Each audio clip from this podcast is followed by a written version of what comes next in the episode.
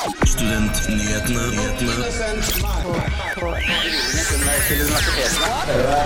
Nå skal vi snakke om studentøkonomi. Eh, Vår reporter Sonja har sjekket hvordan det ligger an med økonomien til studentene ved Høgskolen i Oslo. I forrige uke skrev hegnar.no at studentene er fattigere i dag enn for 20 år siden. Forbrukerøkonom Silje Havdal har funnet ut at studiestøtten ikke har økt i takt med utgiftene. Tall fra Nordea viser at 52% av studentene har en deltidsjobb ved siden av, og at 49% får økonomisk hjelp fra foreldre. Jeg ville høre om studentene ved Høgskolen i Oslo sliter med økonomien. Er det noen som klarer seg uten en deltidsjobb? Og får de hjelp fra foreldrene til å betale husleien? Jeg gikk til høyskolen for å høre. Har du en deltidsjobb? Nei, jeg har ikke det, men jeg jobber veldig mye sommerferier og når jeg har muligheten, da. Ja, det har jeg. Jeg jobber som eh, eiendomsfotograf. Eh, ja. Eh, jeg jobber med sosiale medier i en bedrift. Cirka halvparten av studentene i Norge får hjelp hjemmefra økonomisk. Får du hjelp? Jeg prøver å la være, men hvis det skal skje noe, så får jeg gjerne hjelp. Nei, ikke sånn. Altså, hvis jeg skulle trengt det, så hadde jeg nok fått, men ikke i utgangspunktet. Hva gjør du for å spare penger? Ikke spise ute. At du ikke skal gå og handle mat når du er sulten, og ha en ordentlig plan på hva du har lyst til å lage. Istedenfor å kjøpe brød, så prøver jeg å være flink til å bake. Eh, Eller så baker jeg horn, og så fryser jeg det ned, sånn at jeg har det over lengre tid. Så har jeg lunsj og frokost. First price. Har du noen dyre uvaner? Tobakk og alkohol. Og... Sjokomelk kanskje, etter trening. Jeg er også veldig glad i å handle klær. Yeah, probably drinking. Syns du studiestøtten er nok til å klare seg? Absolutt. Når jeg var i militæret, så levde jeg på 5000 i måneden, så jeg syns det her er egentlig veldig greit. Med deltidsjobb så går det veldig fint. Ja, for meg så er det helst å bo så billig. Nå har jeg jobbet i den 20 %-stillingen, da, så var det ikke nok i det hele tatt. Man må jo jobbe ved siden av, og det er vanskelig å kombinere det når man har mye skole. Det var vår reporter Sonja som snakket med studenter på HiOA. Og de hadde et par tips eh, for å spare penger. Men vi har fått tak i en ekspert på området. Eh, med oss har vi Silje Sandmæl på telefon. Hallo? Hei, hei. Hei, Silje. Hei. Silje er forbrukerøkonom i DNB og rådgiver i programmet Luksusfellen. Husker du hvordan du hadde det økonomisk som student, Silje? Ja, det var jo ikke lett å få ting til å gå rundt. Nå studerte jeg i eh, Statene. Og, og det var Altså, jeg kunne ikke klart meg hvis jeg ikke hadde jobbet ved siden av. Og jeg satt barnevakt, jeg eh, jobbet i et eh, norsk eh, selskap. Så uten de inntektene så ville jeg jo nesten ikke ha hatt råd til mat på bordet. Fordi det koster jo å bo, og det er der det største pengesluket er. Så nei, det ble mye tomatsuppe, og, og jeg måtte bake brødet mitt selv. Ja, det Fikk du støtte fra staten da du var der? Ja, jeg fikk jo eh, studiestøtte, det gjorde jeg. Og så får man jo litt ekstra når man eh, studerer i utlandet. Men når jeg studerte, så, så gikk jo valutakursen. Den, eh, den, gikk, den var veldig opp og ned. Så, og det er jo det som er når du studerer i utlandet. Fordi du får jo ikke eh, kompensasjon. Du får litt fra Lånekassen, men ikke så mye. Så, så her eh, Jeg husker veldig godt når jeg fikk en ekstraregning på 20 000.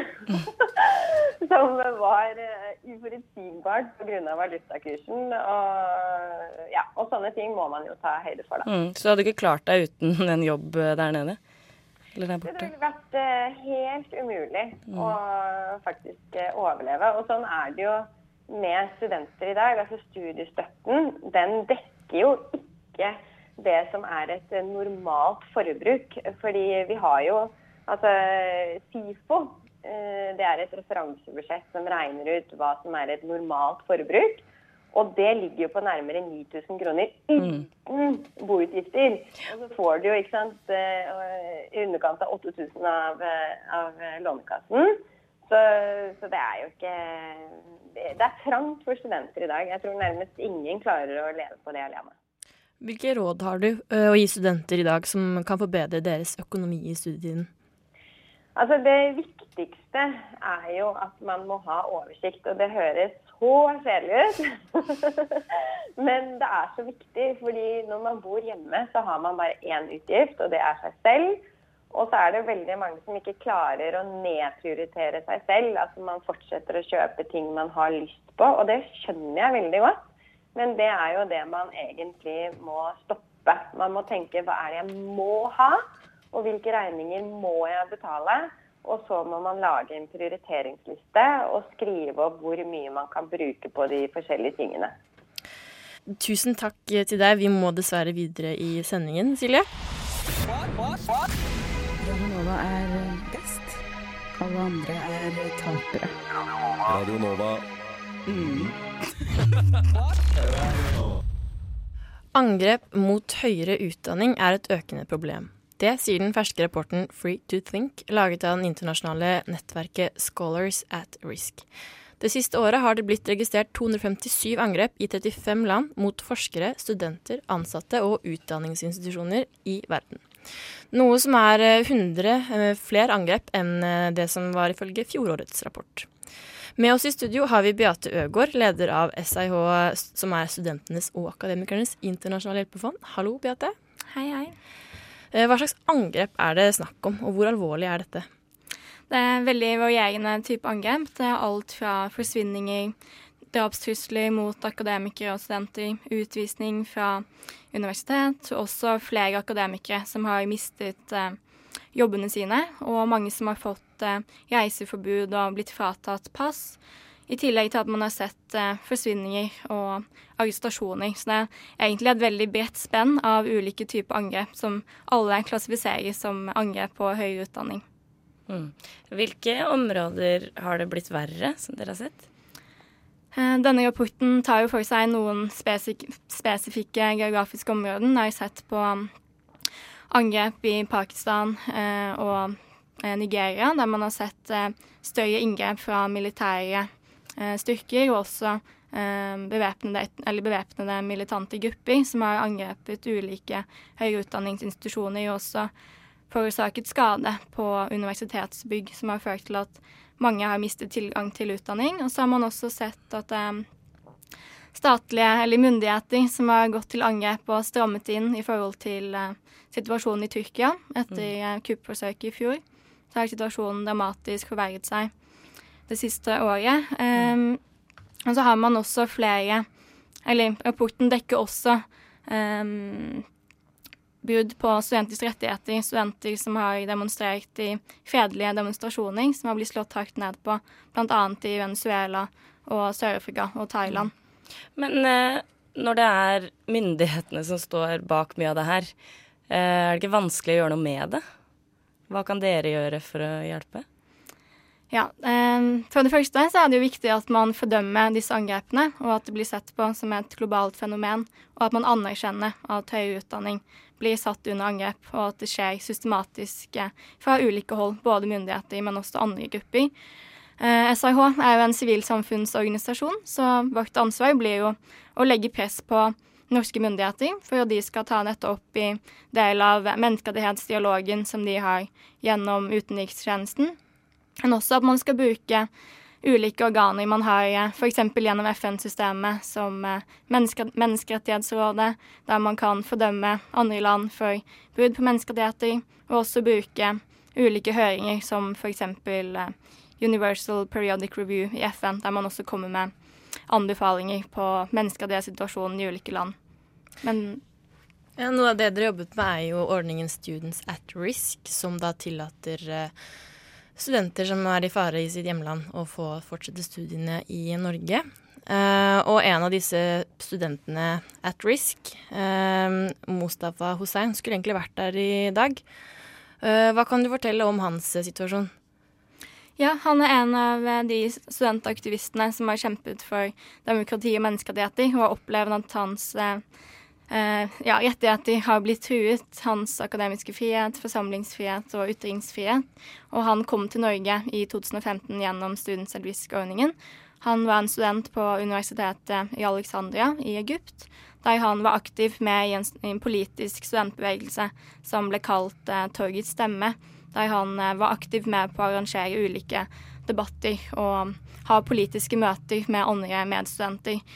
Og i 2013 så var det et kupp eh, i Egypt fra general al-Sisi som førte til at situasjonen ble ytterligere strammet inn og eh, større angrep på, eh, på ja, både studentaktivister, men også menneskerettighetsforkjempere generelt.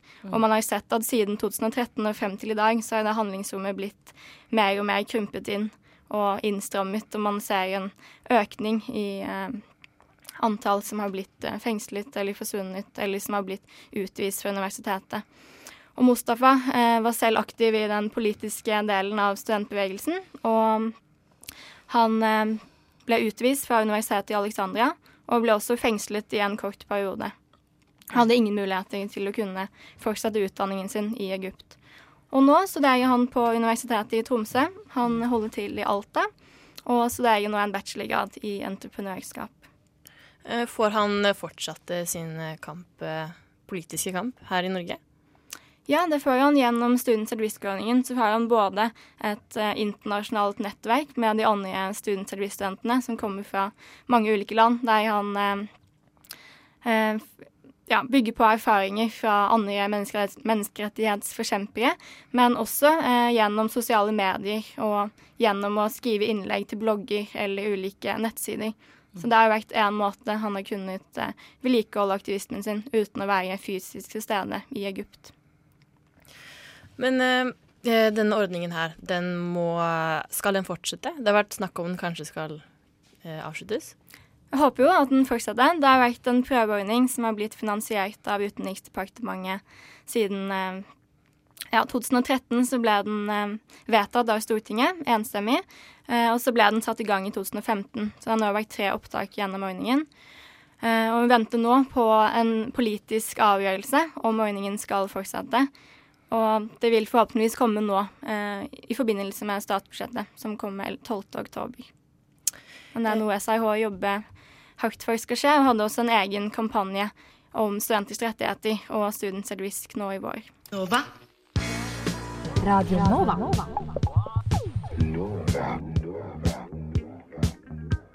Du hører på Radio Nova.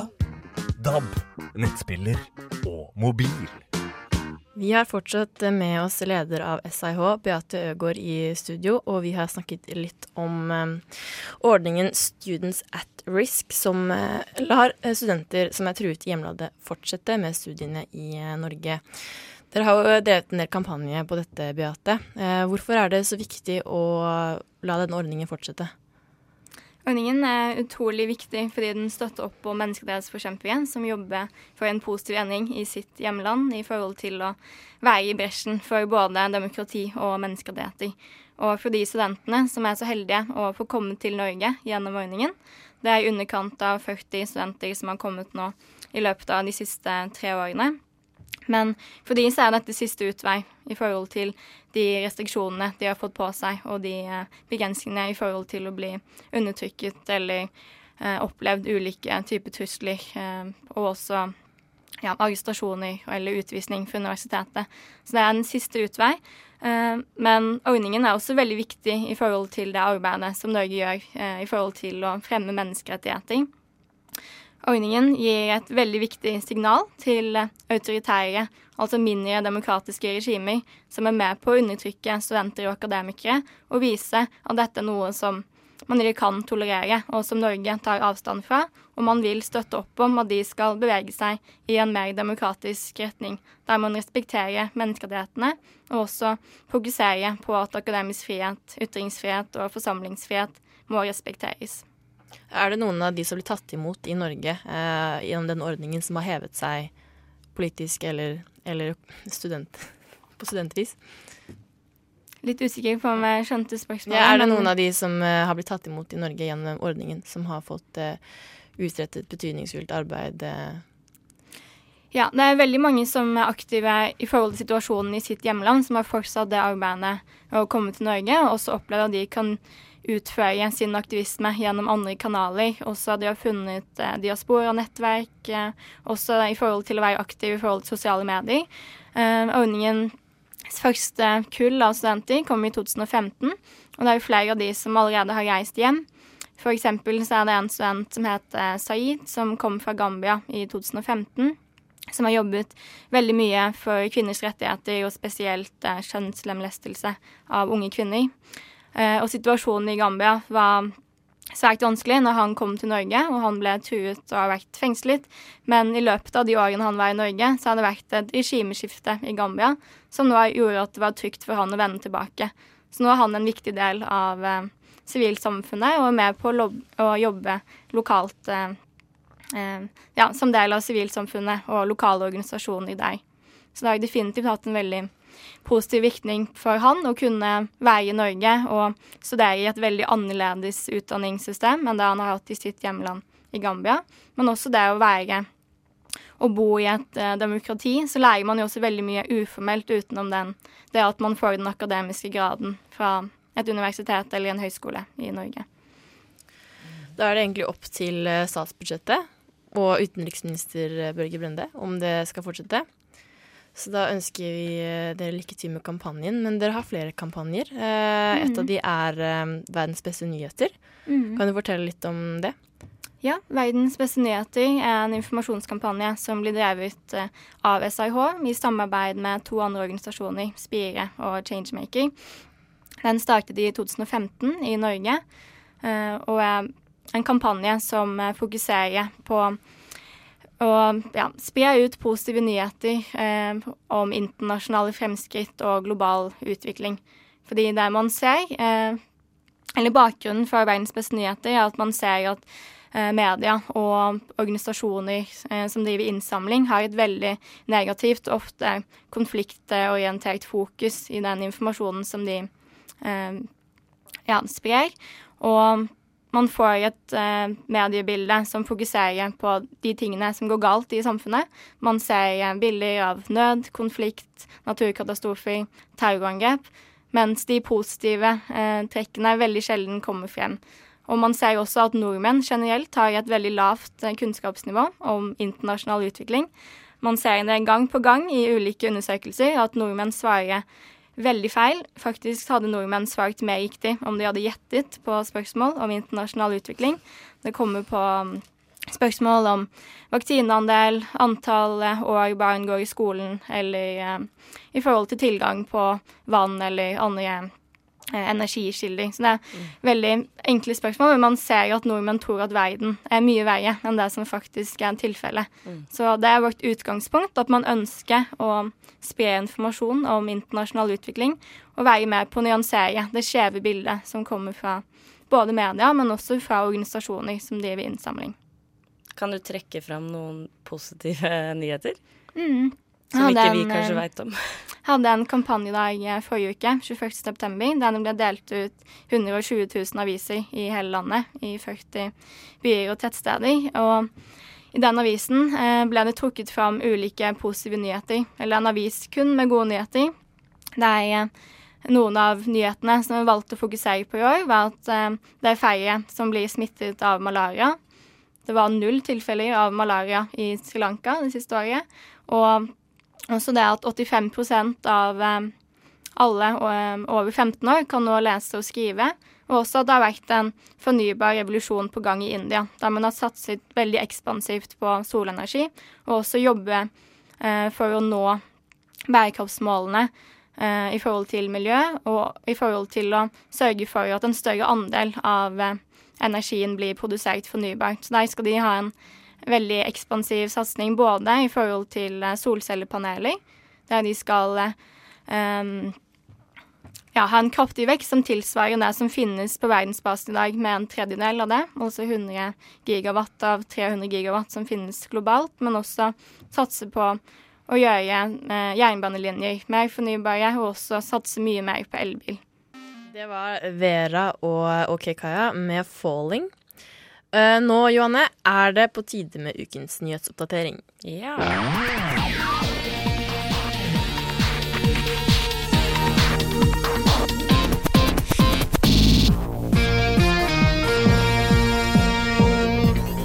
Norges idrettshøgskole må nå destruere forskningsmateriale til to studier de gjennomførte på idrettsutøvere fra det norske skilandslaget. Studiene fra 2011 og 2012 skulle se på hvorfor eliteutøvere utvikler astma i mye større grad enn andre. Helsetilsynet har slått fast at studiene var ulovlige ettersom at de ikke hadde innhentet de nødvendige godkjenningene. Rektor Lars Tore Rongland ved NIH sier at høyskolen nå har tatt grep for å forhindre at noe lignende skjer igjen, ifølge Universitas. Pressens faglige utvalg har frikjent Krono, VG og NRK etter at mediehusene identifiserte og omtale, omtalte professoren ved Universitetet i Stavanger, som sendte seksuelle meldinger til flere kvinnelige studenter. PFU behandlet saken etter at frilansjournalist og mediekritiker Anki Gerhardsen klaget inn saken til utvalget med professorens samtykke, ifølge Aftenposten. Studenter som klager på eksamenskarakteren sin, får sjelden medhold, ifølge nye tall fra et notat fra NOKUT.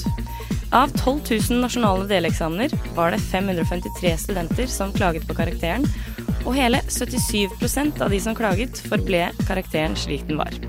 20,8% gikk opp, mens 2,6 av studentene ble satt ned i karakter.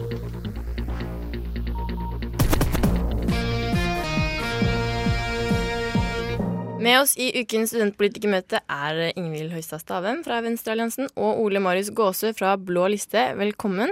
Og eh, vi skal snakke litt om kvinner i pensum først. For det var jo et av Venstrealliansens eh, løfter i forkant av eh, studentvalget, Ingvild. Um, og kvinner i pensum. Jeg spurte i dag min ene leieboer om det var noe kvinner i hennes pensum. Um, hun sjekket pensumlista. Um, Nei, det var ikke en eneste kvinne å se der. Uh, hun går da statsvitenskap. Uh, men hvor, uh, sånn generelt, hvor representert er egentlig kvinner i pensum? Um, vel, det varierer jo selvsagt, vil variere fra studie til studie. Uh, men det er generelt uh, veldig mannsdominert. Og vi ser det særlig f.eks. på juridisk fakultet eller uh, på, i filosofiemnene som filosofi, historie og X-FIL. det var jo X-FIL bl.a. vi gikk på valg til, at vi ønsker um, At der ønsker vi 50 kvinner representert. Um, men det er jo noe som går jevnt utover på ikke bare på UiO, men i hele Norge. Og det er, det er et problem da, at, man, at det er um, man har et pensum skal, som skal reflektere verden og det samfunnet vi lever i, eh, sånn som Venstrealliansen mener. Um, men når det er hvite vestlige menn som dominerer pensum, uh, så reflekterer jo ikke det samfunnet vi lever i i dag, eller ønsker å bli i fremtiden. Jeg tenker Det er litt pinlig at vi ikke har beveget oss vekk fra de patriarkalske og imperialistiske um, perspektivene uh, som er liksom stuck fra 100 år tilbake i tid. da. Ja, Eh, men har dere undersøkt om det finnes noen kvinnelige eh, damer, altså damer som har skrevet noe til f.eks. X-Fill? Ja? Eh, ja, eh, absolutt. Og det er jo litt morsomt at det er Kvinner på pensum har blitt en mer sånn aktiv debatt i media i løpet av sommeren.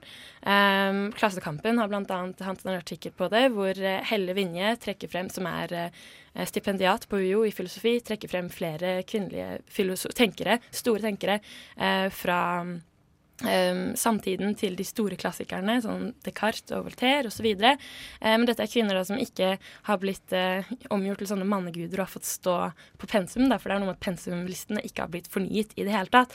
Og det er heller ingen historisk kontekst uh, når vi ser på Exfil pensum. Vi blir ikke, uh, det blir sjelden stilt kritiske spørsmål i hvilken samtid disse tekstene ble skrevet i, og hvilke kvinner som eventuelt kan ha påvirket tekstene. For det var ikke sånn at tenking på disse tidene var en kvinne kvinnefri sone, som eh, Helle Vinje som fint sier det i Klassekampen, da. Og så ikke minst 1900-tallet har jo mange, mange, Det er mange nye kvinner, altså tenkere på 1900-tallet som har kommet frem. Ja. Hva tenker du Ole Marius, er det nok eh, kvinner eh, som har skrevet relevante tekster? Nei, jeg er enig i at det er uh, veldig få kvinner som, har, som kommer frem på pensum i mange ulike fag. Uh, Venstrealliansen gikk jo til valg på 50 uh, representasjon av kvinner i X-Fil og X-Fac. Um, det er jo veldig radikalt, men det er venstrealliansen vi snakker om. Uh, jeg er jo veldig imot at vi skal, vi skal ikke tvinge frem en sosial virkelighet som ikke eksisterer. Dessverre så er det mest hvite vestlige menn som har skrevet filosofihistorien, og som fortsatt definerer store deler av den. Men er ikke det fordi de bare har blitt dratt med videre, på en måte? At det ikke har skjedd noen endring noen gang? Det har jo skjedd endring. Det har jo kommet kvinnelige filosofer eh, frem etter hvert som tiden har gått. Altså, vi, har noen få unntak fra tidligere som, er, eh, som har eh, altså, i tidlig tid, 1700-tallet, 1800-tallet, som har vært med. Og, og for lenge siden, men i moderne tid har vi jo Martha van Nussbaum og mange andre kjente filosofer som, har, som er, med og, er med å definere filosofivirkeligheten i dag. Men fortsatt er filosofien historisk og i også i dag dominert av hvite vestlige menn. Og den virkeligheten er den virkeligheten vi må representere på universitetet også. Dessverre. Men vi eh, representerer jo ikke virkeligheten. Du sa det selv, at det finnes eh, filosof store filosofiske eh, kvin kvinnelige tenkere, da, men de representeres jo ikke på pensum, og det er et faktum. Så det er ikke riktig at universitetet representerer forfatterskapet eller filosofiens tankegang. Og så har du, jeg tenker Det er flere ting, det er særlig to ting man kan gjøre. da. Én ting er å inkludere nye tenkere fra 1900-tallet, hvor det fins mange dyktige kvinner som ikke får stor nok plass på pensum. En annen ting er å um, gå tilbake på det pensumet som allerede finnes, uh, og begynne å være mer kritiske. Og, for det kommer uh, stadig vekk uh, oppdagelser da, som at store filosofer som Voltaire f.eks. var sterkt påvirket av sin kvinnelige elskerinne som Emilie de Châtelet, som også var en tenker og matematiker på den tiden, som er kjent for hennes matte osv., men hennes plass i Voltaire sine filosofiske verk har kanskje ikke fått en stor plass. Det er bare ett av flere eksempler som finnes her ute. Eh, Så jeg tenker man både burde eh, revidere pensum som finnes fra eh, de gamle klassikerne, og kanskje i hvert fall si at ok, men disse kom ikke opp med det her helt alene. Det var ikke sånn at det var helt mannsdominert. At man skal på en måte kreditere de kvinnene som fantes også. Anerkjenne de og de nye.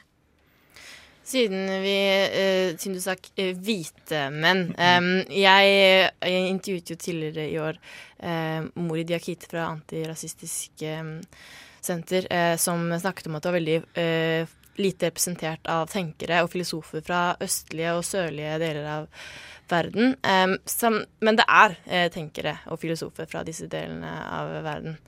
Mener du at disse ikke burde få plass i pensum? Nei, jeg mener jo ikke det. Jeg mener bare at det som skal være på pensum, er det som er eh, den virkeligheten i dag, eh, og det som er relevant for X-Fill. Klart det fins sikkert mange kvinner som har påvirket mange viktige menn opp gjennom historien, eh, men, men virkeligheten er at Hume, Kant og Voltaire er mye viktigere enn f.eks. kun Mary Wollstonecraft. Hun er veldig viktig nå, men det er, det er, det er, det er, det er flest menn som er viktige. Uh, historisk X-Fill, og vi kan ikke endre den virkeligheten bare fordi det er den ideologien, altså den, altså den rådende ideologien bestemmer at vi skal endre virkeligheten. Vi kan ikke bare gjøre det. Det er det jeg kritiserer kritisere Venstrealliansen. Jeg er ikke uenig i at vi skal ha flere kvinner på pensum, eller flere minoriteter. Flere fra Afrika, flere fra Asia, flere fra Sør-Amerika. Men hvordan ha. mener du at eh, de skal få inn flere kvinner, da? Vi må få flere til å velge, det, velge å bli filosofer, og flere- må, og flere må skrive viktige verker, om du vil. Det er jo litt det det går på. Og så er det selvfølgelig sikkert et glasstak her. Det, jeg benekter ikke det. At det finnes diskriminering og mye rart. Altså, det er også Nussbaum har jo fortalt at da hun leverte PhD-en sin i 75, så var det jo masse diskriminering. Hun fikk ikke ta barselpermisjon, og det var mye greier. Så det, det finnes et glasstak. Det, ikke, det benekter jeg ikke, altså. Ja, Um, nei, men Du sier jo nå at uh, vi må få flere uh, kvinner til å skrive store verk og bli flinke og sånn, men det finnes jo mange, i hvert fall si de siste 50 årene, da, Mm. eh, som fortsatt ikke får den plassen de fortjener kanskje på pensum. Det er én ting. så Det er, på en måte, det er ikke det vi trenger å jobbe med nå. Det er ikke nødvendigvis selvfølgelig å oppmuntre flere kvinner til å ta filosofi, filosofi osv., for det ser vi jo også selvfølgelig at det er en mannsdominer, et mannsdominert yrke. Mm. Men jeg tenker i første omgang nå, og for å oppmuntre kvinner til å studere videre filosofi, er jo å inkludere alle disse flotte verkene vi har, inn på pensum. Eh, og så syns jeg det er rart å ikke skulle em, endre på pensum, endre på tekster om du vil, eller sette kritiske kommentarer til Hume, Kant, når det kommer ut ny informasjon, når man finner, når man gjør nyvinninger i filosofien da, og finner ut at um, alt det vi har tatt som fakta, kanskje ikke er sant lenger. Da er det litt rart å ikke revidere det i X-Fil. Og det er, når var det X-Fil ble revidert sist, liksom? Eh, det er ganske likt da mine foreldre studerte det. Er det vanskelig for lærere å endre pensum? Um, nå spør du litt vanskelig her. Eh, Jeg tror de fleste lærere er jo ikke nødvendigvis de som skriver eh, bøkene. Så jeg tenker når X-Fill, som er en egen bok, så er det snakk om å revidere hele X-Fill-boka. Og det gjøres nå. Nå har de akkurat satt ned en komité eh, for å skrive om X-Fill-pensumet. Så det er spennende å se. Det måte gjør det enda viktigere å ha denne debatten oppe nå, tenker jeg. da. For nå driver de og skriver et nytt pensum i en til neste høst, blir det om ett år. Men eh, lærere kan i stor grad velge hvilke bøker, sånn som i statsvitenskap, da, eh, så kan lærere i stor grad velge hvilke, hvilken pensumlitteratur de ønsker å inkludere. Så der har du et kjempestort spillerom da, eh, til å inkludere både eh, ikke-vestlige eh, og kvinner inn på pensum. Det var dessverre det vi rakk fra dere, Ingvild Høistad Stavem og Ole Marius Gåsø. Ehm, vi har hatt uh, en eh, sending i dag uh, med meg, Anna og Johanne. Yes. Eh, og vi vil bare avrunde med å si at dere kan høre oss på hver fredag 11 til 12. Følg oss på Facebook. Og følg oss på Facebook og Instagram. Ehm, takk til tekniker Celine Stensrud.